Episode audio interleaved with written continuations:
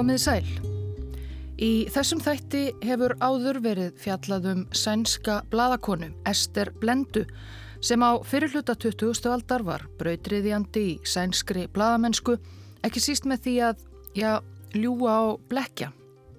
Árið 1914 þóttist hún, borgar barnið, vera vinnustúlka úr sveit og réði sig á bondabæi í Suðurmannalandi til að komast að raunum og fjalla um hvernig aðbúnaður óbreyts verkafólks á bondabílum svíþjóðar raunverulega væri. Þessi aðferð að bladamadur vildi á sér heimildir var þá óþekkt í sænskri fjölmiðlasögu og var raunar mjög sjaldgæf á heimsvísu. Allra síst að ungar konur, enn í miklum minnilhuta í bladamannastjett á heimsvísu, stunduðu slíka glefra bladamennsku. En Ester Blenda átti sér samt sem áður fyrirmynd sem var henni inblástur, unga bandariska konu sem aldarfjörðungi áður hafi leikið sveipaðan leik. Og þetta er sagan af henni.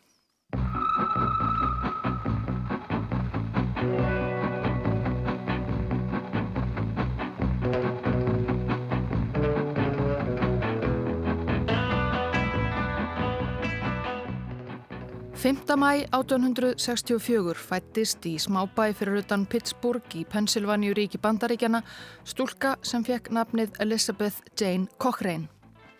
Fóraldrar stúlkunar voru ættaðir frá Írlandi. Fadir hennar Michael Cochrane hafi byrjað sem verkamaður en unnið sig upp, eignast verslun og millu og loks verið skipaður í ennbætti dómara í síslunni þar sem fjölskyldan bjó. Elizabeth Jane, næst, næst yngst af 15 sískinum, var sjaldan kölluð sínu rétta nafni. Frá unga aldri var hún svo hrifin af bleikalitnum að hún var gerðnan kölluð Pink eða Pinky. Dómarinn Michael Cochrane lést þegar dótturinn Elizabeth Jane eða Pinky var aðeins 6 ára gömul og hann skildi þrátt fyrir allt fjármál fjölskyldunar eftir í nokkrum ólestri. 15 ára gömul 1879 varð Pinky fyrst í sískina skaranum til að hefja námi framhaldsskóla, Indiana Normal School, en varð að hætta þar eftir eina önn vegna fjárhags örðuleika fjölskyldunar. Næstu árin aðstóðaði hún móður sína ekkjuna við rekstur gistiheimilis í Pittsburgh. Flestir leyendur þeirra voru fátækar ungar konur, margar nýfluttar til bandaríkjana frá Evrópu, löndum eins og Pólandi og þeirra eigin ættjörð Írlandi. Þar á gistihúsinu var Pinky, tvítug árið 1885, þegar hún bladaði í dagblæðinu Pittsburgh Dispatch og rak augun í grein. Kvíðin fadir, svo tillaðan sig, hafi sendt blaðinu erindi um dætur sínar 5 á aldrinum 18 til 26 sem allar veru enn ógiftar, hæfileikalöysar og stefnulöysar. Hvað ætti hann að gera við þær? Hvaða framtíð gætu þær mögulega átt sér? spurði hann. Blaðamaður Pittsburgh Dispatch Erasmus Wilson svaraði föðurnum undir fyrirsögninni til hvers eru stúlkur. Wilson hafði reyndar engar sérstakar ráðleggingar um framtíð dætra brefritara. Hann taldi útsíð um að svo framtíð er þið ekki glæst. Og Wilson notaði tækifærið og fór mikinum hnignun hinnar hefbundnu kynjarhlutverka og samfélagsins alls. Hann skrifaði að eini rétti staðurinn fyrir ungar konur væri heimilið og hjónabandið húsverk þeirra helsta gagsemi og hann fór hörðum orðum um þann hrylling sem væri konur á vinnumarkaði. Konur sem hafa óseðjandi list á að fleia sér fram á skeðvöllin en eru í raun að reyna að hrifsa af körlum ákveðin forréttindi sem þeim hafa hlottnast að himnum ofan eru yfirleitt ógestlegar kvenlegum konum og karlmannlegum körlum. Ekkert er eins óeðlilegt og kona í buksum nema að vera skildi maður í pilsi. Þessi ömurlega kvenn fyrirlitning Wilsons reytti skiljanlega marga kvennkins lesendur til reyði og þó nokkur svarbref frá konum bárust á reittstjórnarskrifstofur Pittsburgh Dispatch næstu daga. Eitt brefana var naflust. Brefritari kallaði sig einungis einmanna munaðarlösa stúlku. Brefið var ekki prentað í blaðinu en rittstjóra þótti það þó svo áhugavert, beinskeitt og beitt að hann let lýsa eftir rittara þess í smáauglisingu og bóðaði svo munaðalösu stúlkuna á sinn fund.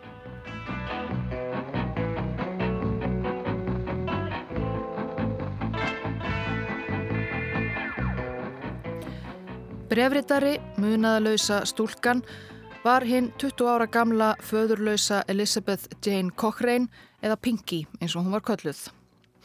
18. janúar 1885 mætti hún á fund George Maddens, rittstjóra Pittsburgh Dispatch, nokkuð feiminn í fyrstu en fljóta ná vopnum sínum. Madden fól ungu konunni að skrifa grein í bladið frá sjónarhortni ungra kvenna. Þetta var árið 1885 og konur voru í miklum, miklum minnilhuta bandarískra bladamanna og rattir þeirra byrtust sjaldan á síðum bladana. Stúlku gátan var yfirskrift greinarinnar sem byrtist svo á blaðsíðu 11 í sunnudagsblæði Pittsburgh Dispatch 25. janúar 1885.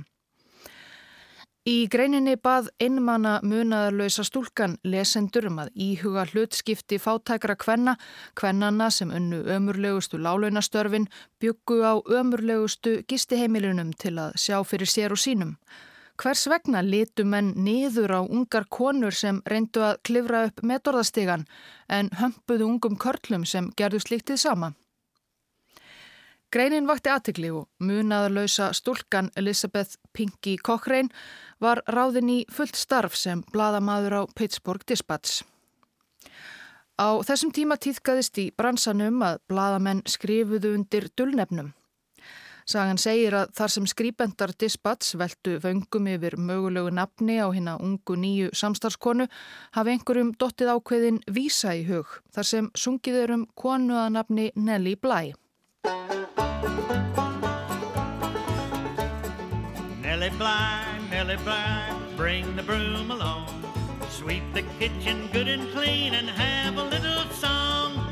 Poke the wood, my lady love, and make the fire burn. While I take the banjo down, give the mush a turn.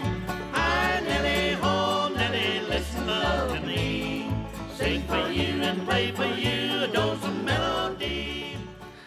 Úr varð að Pinky fekk höfundarnafnið Nellie Bly og sögulegur bladamannaferill var rétt að hefjast.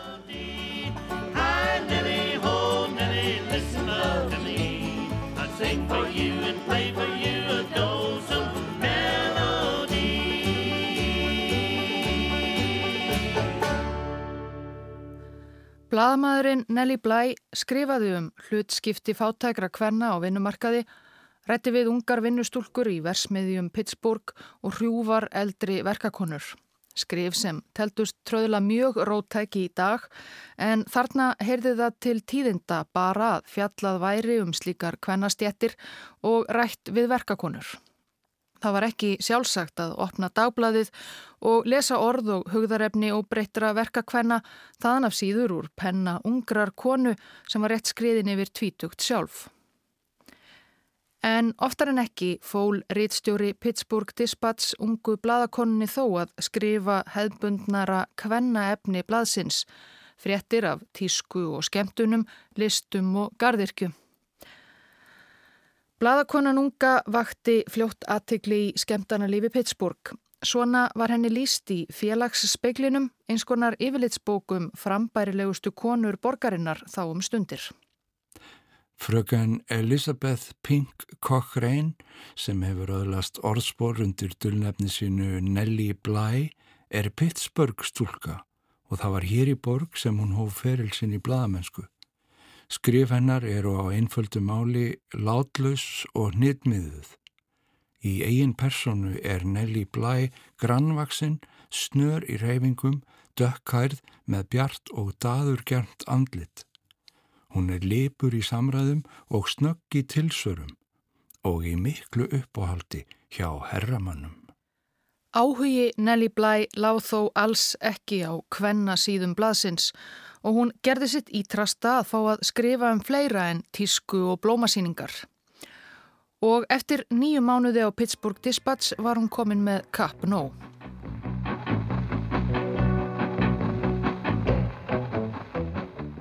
Bandaríkin, adjö.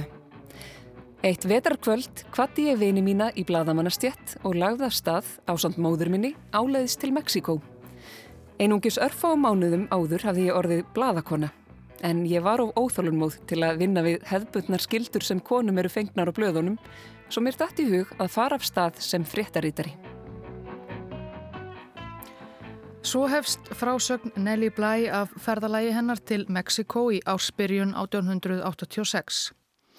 Hún var tæplega 22 og eins og hún játar sjálf ekki með mjög mikla starfsreynslu en ólum að sanna sig við annað en tískufréttir. Yfirmenn hennar á dispatch höfðu reynd að telja hana af ferðalæginu en það varði vist engu tauti við hana komið. Hún tók þó móður sína með til öryggis. Neri Blæ talaði ekki spænsku og hafði ekkert sérstatt vita á mexikoskri sögu eða samfélagi en næstu sex mánuðina sendi hún þó heim til Pittsburgh fjölda fróðleira greina um Mexikost þjóðlíf og málefni. Hún fjallaði meðal annars um notkunn landsmanna á marihuana, ótrúlegan og stundum mannskemandi áhuga almennings á lottóspilum, dæmi voru um að fáteklingar seldu utan af sér fötinn til að kaupa lottómiða, skrifaði hún nexluð. Hún saði frá meksikoskum stefnumóta og brúðkaupshefðum, nöyta, atti og öðrum íþróttum og hún ferðaðist vitt og breytt um landið. Mexiko var á þessum tíma undir stjórn hersauðingjans Porfirios Díaz sem átti eftir að verða við völd meir og minna fram til ársins 1911 í raun sem einræðisherra þó hann væri dáður víða á Vesturlöndum. Andof var ekki vel séð og meksikóskir bladamenn urðu að passa sig hvað þeir skrifuðu um Díaz og stjórnarhætti hans. Í einni grein sagði Nelly Bly frá meksikóskum bladamanni rittstjóra Skobrits sem stungið hafi verið í fangelsi fyrir að gaggrína stjórnvöld í bladi sínu. Grein Nelly byrtist í Pittsburgh Dispatch 22. mars 1886 og var síðan endurbyrt í nokkrum öðrum bandarískum dagblöðum. Varð það til þess að meksikósk yfirvöld fengu veður af greininni og var það ekki vel séð að erlendir skrýpendar fjölluðu á svo gaggrínin háttum Meksikó í erlendum blöðum. Nelly fekk að vita að heldi hún svona áfram, gæti hún sjálf átt yfir höfði sér, handtöku og fangelsisvist. Slíka áhættu tók hún ekki, svo að Nelly og mamma hennar pökkuðu saman fökkum sínum og 22. júni 1886 voru þær komnar aftur til Pittsburgh.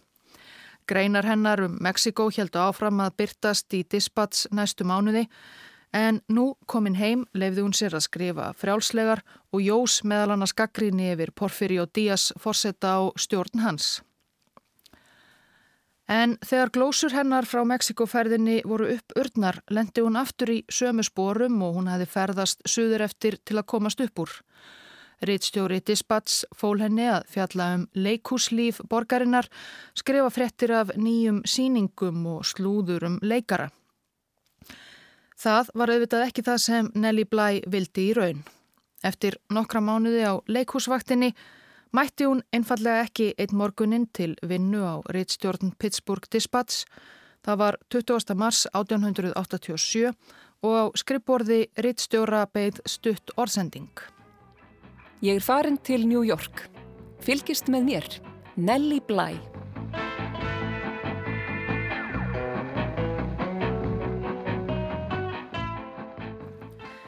New York, miðstöð bandarískrar bladamennsku þar sem helstu stórblöðlandsins voru gefin út.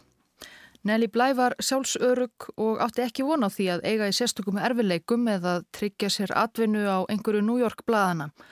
En það reyndist henni erfiðara en hún bjóst við. Í þetta skipti hafði hún farið einaf stað, 23 ára, skilið mömmugömlu eftir heima.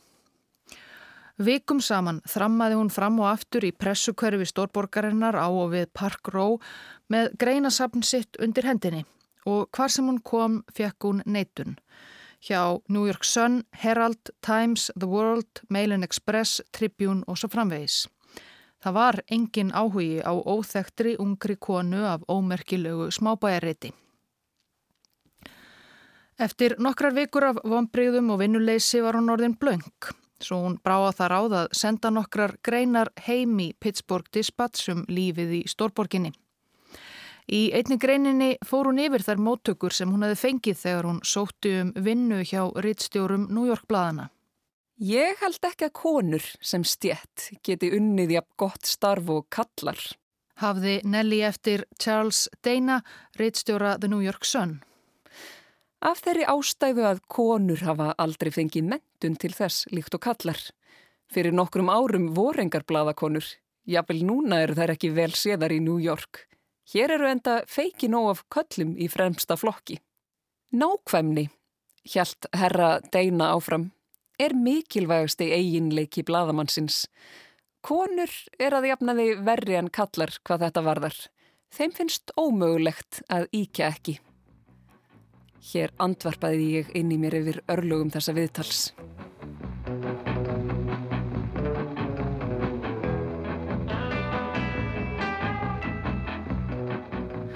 Það var sumsi á brattan að sækja.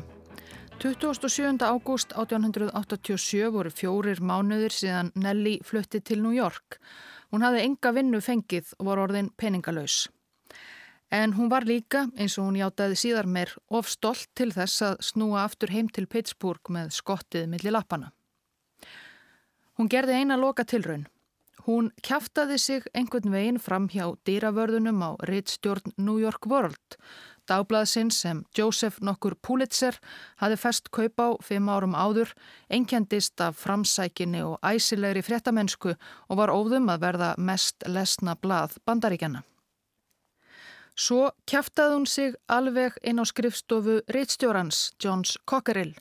Ritstjórin var nokkuð forviða á þessari ákveðinu og óvinnulegu ungu konu sem ruttist inn til hans en fundi þeirra laug þó á því að hann réð hana í vinnu.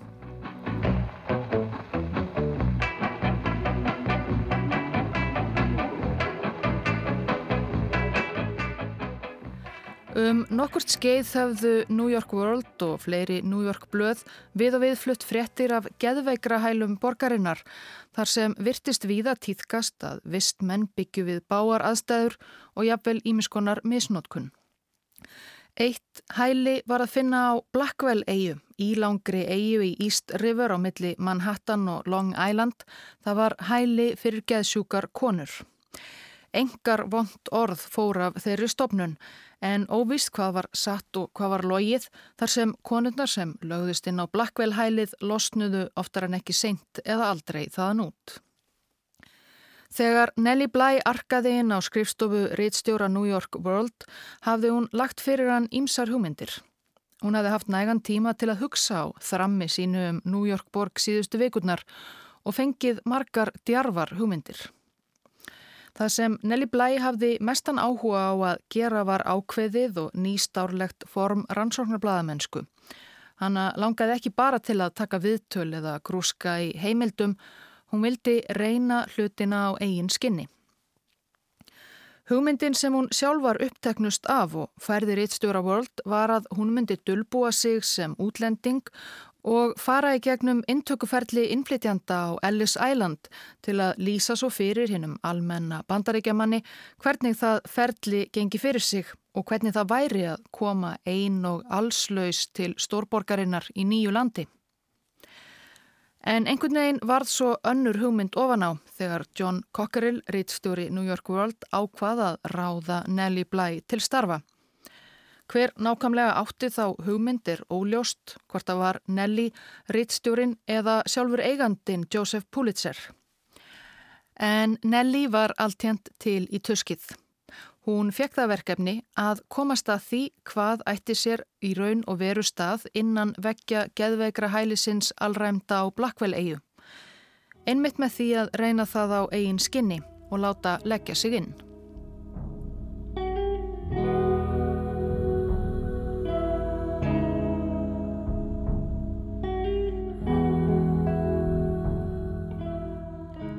Hvernig kemst heilbrið manneskja inn á geðspítala?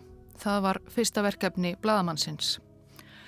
Nelly Bly var áhuga sum um tísku, ætið smeklega til fara og snirtileg, en nú lagði hún fínu fötunum sínum og klættist sínum eldstu og glötuðustu druslum. Hún hætti að þvó sér og tambursta og æfði sig tímunum saman fyrir framann speilin í að líta brjálæðislega út. stara fjarrænt og reyta hársitt. Undir öðru nafni, Nelly Brown, ekki blæ, legði hún sér svo kóju á gistiheimili fyrir fátækar verkakonur neðarlega á Manhattan. Og um leið og hún tekkaði sig inn fór hún að leika hlutverk sitt fyrir aðra leyendur í almennum rýmum gistiheimilisins. Hún virtist fjarlæg og sorgmætt þegar á hana var yrt. Þegar hinnar konurnar á gistiheimilinu spurðu út í veru hennar í stórborginni, saðist hún hvorki vita hvaðan hún kæmi nýja hvernig hún hefði komist til New York og í hvaða tilgangi. Hún saðist hafa tínt öllum eigum sínum og virtist muna lítið af lífi sínu til þessa. Þegar leið á fyrsta daginn varð Nelly þessi brán svo enn skrítnari. Hún muldraði með sjálfur sér, sakaði hinnar konurnar á heimilinu um að vera brjálaðar og brast tilefnislaust í grát. Þegar leiða nóttu neytaði hún að taka á sig náðir og hegðun hennar varð öll hinn undarlegasta. Ekki leið og löngu þar til hinnar konurnar á heimilinu voru farnar að óttastana og kvöttu forstuðu konu heimilisins til að kalla til lögreglu. Nelly vakti alla nóttina til að setja punktin yfir yð á geðveiki gerfinu og morgunin eftir voru tveir lauruglumenn mættir á gisti heimilið til að fjarlæga hana. Við yfirheyslu á lauruglustöðinni við Essex Market held hún áfram að gefa loðinn og skrítin svör. Hún saðist varla vita hver hún væri eða hvaðan hún kæmi. Læknir var að lokum kallaður til að skoða hana. Hann tók púlsin á mér og hlustaði á hjartsláttin. Ég hafði ekki minnstu hugmynd hvernig hjarta geðsjúklings slær svo ég hjælt niður í mér andanum meðan hann hlustaði. Svo líst hann í augun á mér.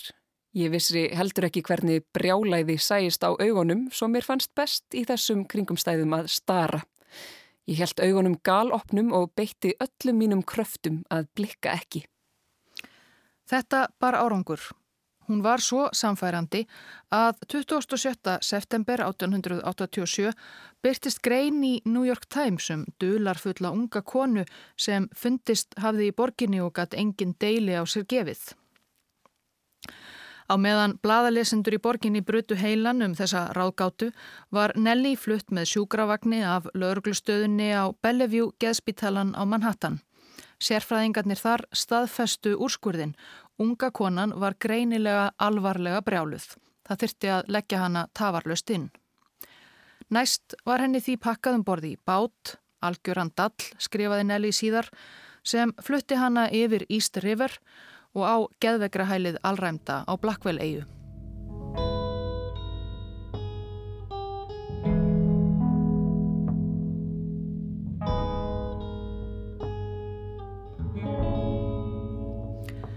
Reittstjóri New York World hafði fullvissað Nelly áður en hún lagði í verkefnið að hann myndi svo með einhverjum leiðum fá hann að lausa af hælinu eftir nokkura daga vist.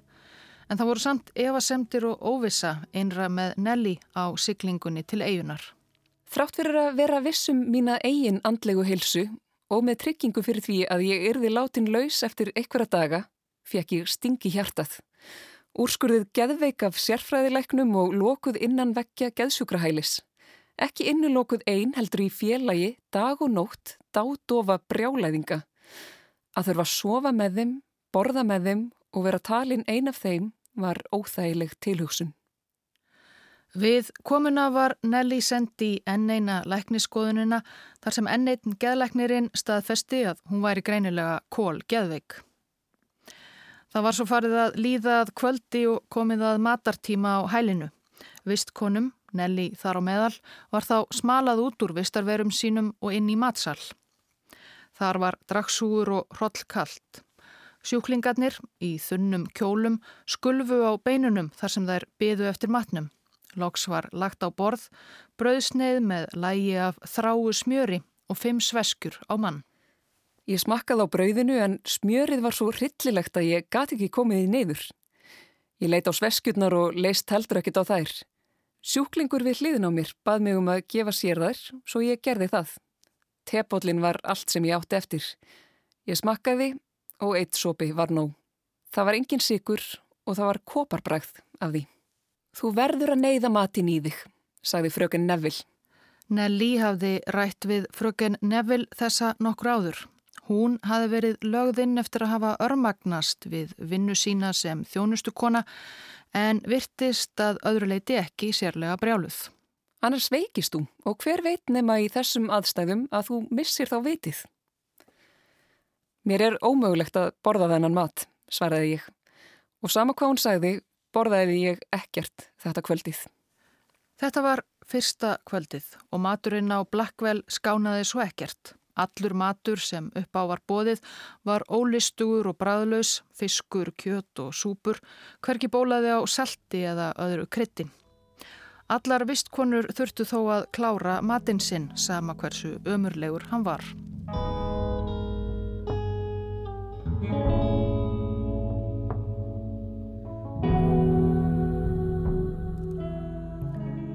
Á Blackwell eigu beitti starfsfólk ímsum aðferðum til að reyna að lækna vistkonur af þeirra geðrænu vandamálum. Meðferðin fólst aðlega í livjagjöf, sjúklingar fengu ríkulega af morfíni og öðrum deyfandi livjum.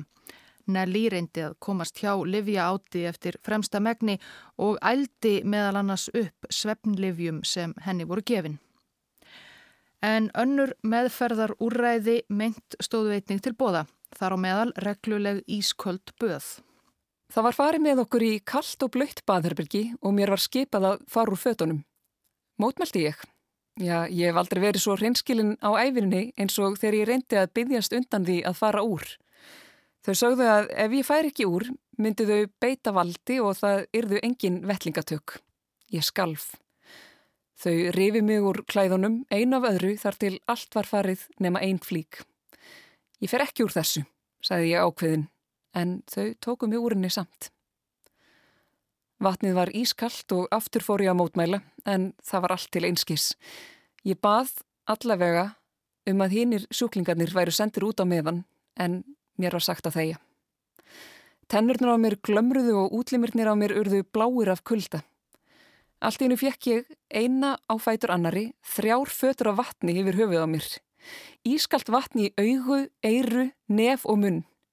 Mér leið eins og ég væri að drukna þegar þau dróðu mig titrandi, skjálfandi og móða upp úr baðinu. Hreinlæti í þessum baðferðum var Nelly ekki beint að skapi. Baðið er fyllt með vatni og vistkonum er þvegið, einni af annari, án þess að skipt sé um vatn. Þetta er gert þar til vatnið er orðið þygt af skít og þá er látið renna úr því og fyllt aftur, án þess að karið sé tvegið. Konurnar eru svo allar þurkaðar með sama handklæðinu, einnig þær sem eru með útbrott. Sjúklingarnir krefjast þess að skipt sé um vatn en neyðast til að beigja sig undir bóður latra og ráðuríkra hjúgrunarkvenna. Yfirleitt skipta sjúklingar ekki um kjóla oftar en einu sinni í mánuði. En ef vistkona fær gest hef ég séð hjúkurnar flýta sér að komin í reynan kjól áður en gesturinn kemur. Þannig lítur allt út fyrir að vera sómasamlegt.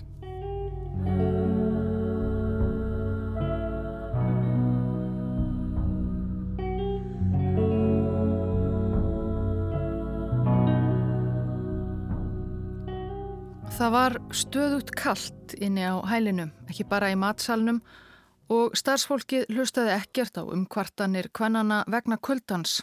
Ekki einu sinni þegar neyðar óp ómöðu um spítalagangana að næturlægi konur sem festu ekki svefn fyrir kulda. Húsnæðið var almennt slæmt. Meðal þess sem Nelly veitti aðtegli meðan á dvöl hennar á Blackwell eigi stóð var að eldvörnum á hælinu virtist mjög ábútafant. Vistkonur voru læstar inni í herbergjum sínum að kvöldi og allir glukkar voru ramlæstir einnig. Ef kviknaði í byggingunni myndu fangaverðirnir eða hjúgrunakonurnar ekki hugsa út í það að frelsa brjálaða sjúklinga sína. Þetta get ég sanna þegar ég segi ykkur frá grimmilegri meðferð þeirra á vesalingunum í þeirra umsjá. Eins og ég segi, ef það skildi kvikna í, myndu aðeins örfáar konur sleppa. Nefna hér verði breytingar, verður þessi staður eitthvað tíman sögus við fordæma lausrar hryllingsögu.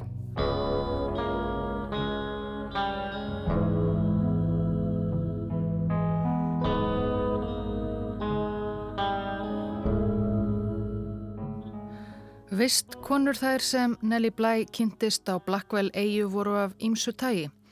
Sumar voru greinilega alvarlega vanheilar á geði en það vakti aðtegli Nelly að margar virtust alls ekki vera svo veikar og hún komst að því að all nokkrar voru það alls ekki. Á hælinu voru til dæmis nokkrar erlendar konur, einflýtjandur sem töluðu ekki ensku. Þar sem þeim tókst ekki að gera sig skiljanlegar við yfirvöld höfðu þær einfallega verið afskrifaðar sem brjálaðingar og lagðar inn. Einn kona hafði svo verið vistuð á eiginni eftir að eiginmaður hennar hafði í bræðiskasti fullirt við lauruglu að hún væri brjáluð. Meira þurfti ekki til og fyrir þessar konur gata verið þrautinn þingri að sína fram á að þær þyrtu alls ekki á vistuninni að halda. Og Nelly sjálf var auðvitað ekki vitund geðveik.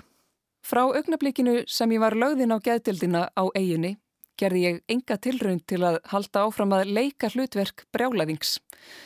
Ég fór að tala og hegða mér alveg eins og ég geri venjulega, en eins undarlega og þá hljómar, því óbrjálaðri sem ég var í tali og hegðun, því galnari var í talin vera.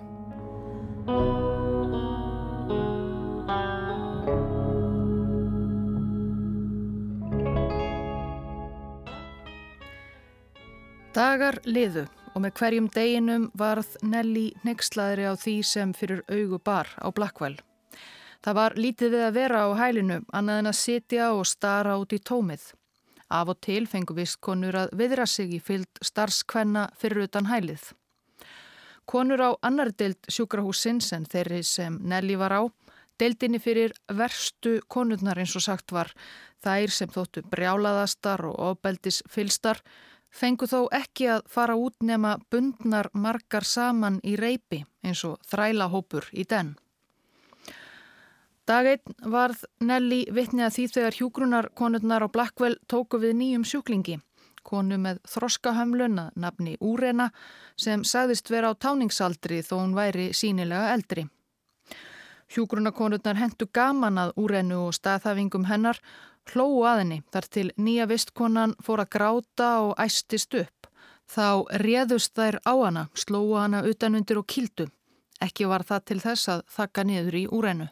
Þetta var til þess að vesalingskonan grétt enn meira, svo að þær tók hana hálstaki. Já, þær tók hana í alvörunni hálstaki. Svo tróðu þær henni inn í skáp og ég heyrði ótafull óp hennar fjara út og verðað niðurbældu kvísli. Mörgum klukkustundum síðar snýr hún aftur í setustofuna og ég sá greinilega fingraför þeirra á hálsennar. Meðferðin á úrenu var ekkert einstæmi. Margar vistkonur sögðu Nelly sögur af barsmýðum af hendi starfsfólks fyrir litlar sem engar sakir. Og bara strax sama dag varð Nelly vittni að öðru atviki. Meðferðin á úrenu virtist kveikja með samstárskonunum löngun til að útdeila frekari refsingum. Þær snýru aftur í setustofuna, gripu gamla gráherða konu sem var kölluð frú O'Keefe. Hún var brjáluð og talaði nær linnulöst við sjálfa sig og aðra. Hún talaði þó aldrei hátt og þarna satt hún og spjallaði sakleisislega við sjálfa sig. Þær gripa hana og mig verkjaði í hjarta þegar hún rópaði Guð hjálpi mér konur, ekki leifa þeim að berja mig. Þegi þú flennan þín, sagði hjúgrunarkonan sem greip í grátt hárið á gamlu konunni og dró hana æpandi út úr herbyrginu. Hún var líka sett í skápin og vein hennar urður lægri og lægri og hættu svo alveg.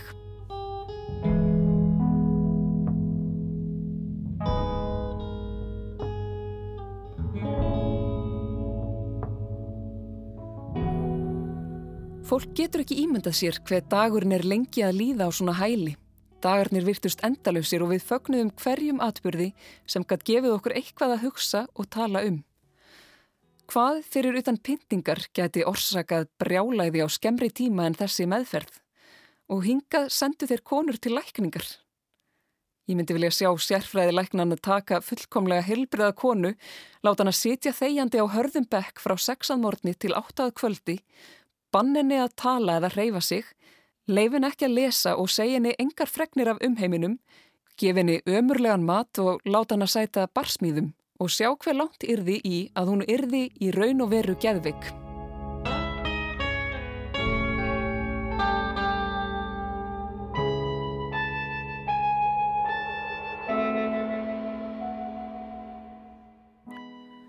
Reitstjóri New York World stóð við orðsín. Eftir að Nelly hafi verið tíu erfiða daga á Blackwell eigu byrtist lögfræðingur á hælinu og fekk það í gegn að sjúklingur sá er kallaðist Nelly Brown yrði látinlaus tafar löst. Fallist var á það, máttur stórblaðsins dögði til.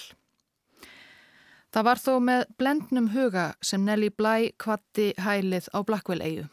Geðvegrahælið á Blackwell eigu er mennsk músagildra. Það er auðvelt að komast inn en þegar maður er komin þangað er ómögulegt að sleppa. Ég hafði hlakkað svo til að yfirgefa þennan hryllilega stað en þegar kom að því að ég losnaði og ég vissi að ég myndi aftur komast í sólarljós drottins fann ég til ákveðins sásauka. Í tíu daga hafði ég verið ein af þeim Eins undarlega og það hljómar fannst mér það hrikaleg eigingirni að skilja þær eftir í þjánungunni. Ég fann til óraunhæfrar löngunar til að hjálpa þeim með nærveru minni og samkjönd, en bara í stuttastund. Hliðið opnaðist og frelsið var mér sætara en nokkru sinni fyrr.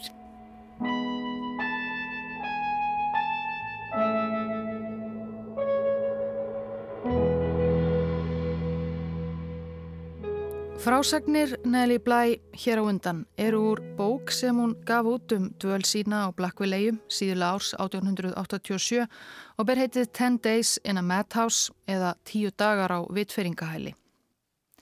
Greinar Nelly um Blackwell sem bókin er unnin upp úr byrtust í New York World í oktober 1887 og vöktu vægasagt mikla aðtegli. Frettir um uppóttæki Nelly byrtust í dagblöðum um öll bandaríkin.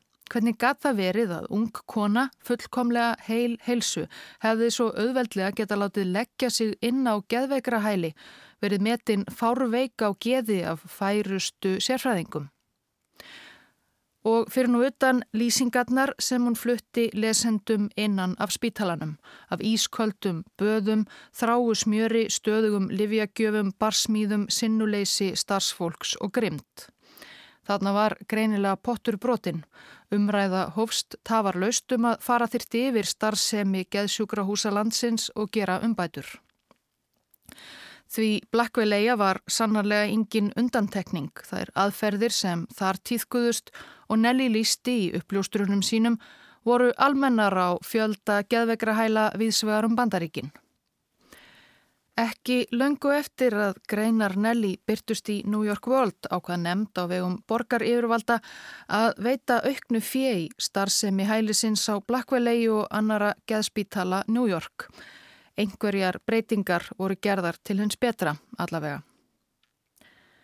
Unga bladakonan sem örfáum vikum áður hafi gengið árangurslaust á milli rittstjórna New York bladana og tekið á móti neitun og eftir neitun varð svo gott sem á einni nóttu að einum umtalaðasta bladasnápi borgarinnar og bandaríkjana allra. Nafn hinnar djörfu Nelly Bly var nú á allra vörum. Og næsta ævintýri hennar það var sangallað ævintýri í þetta sinn, átti eftir að vekja enn meiri aðtegli. En við heyrum af því í næsta þætti.